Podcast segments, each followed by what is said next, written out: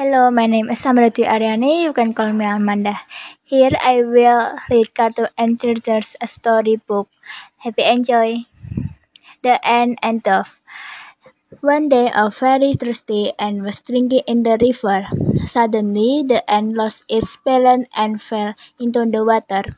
The ant screamed for help, but no one heard it. A dove sitting on a nearby tree saw that the ant were in trouble. He quickly pulled out a leaf and dropped it into the water. The ant climbed on top of the leaf and thanked the dove for saving him.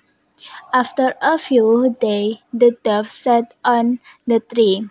The ant saw that tree was a hunter aiming his arrow at the dove.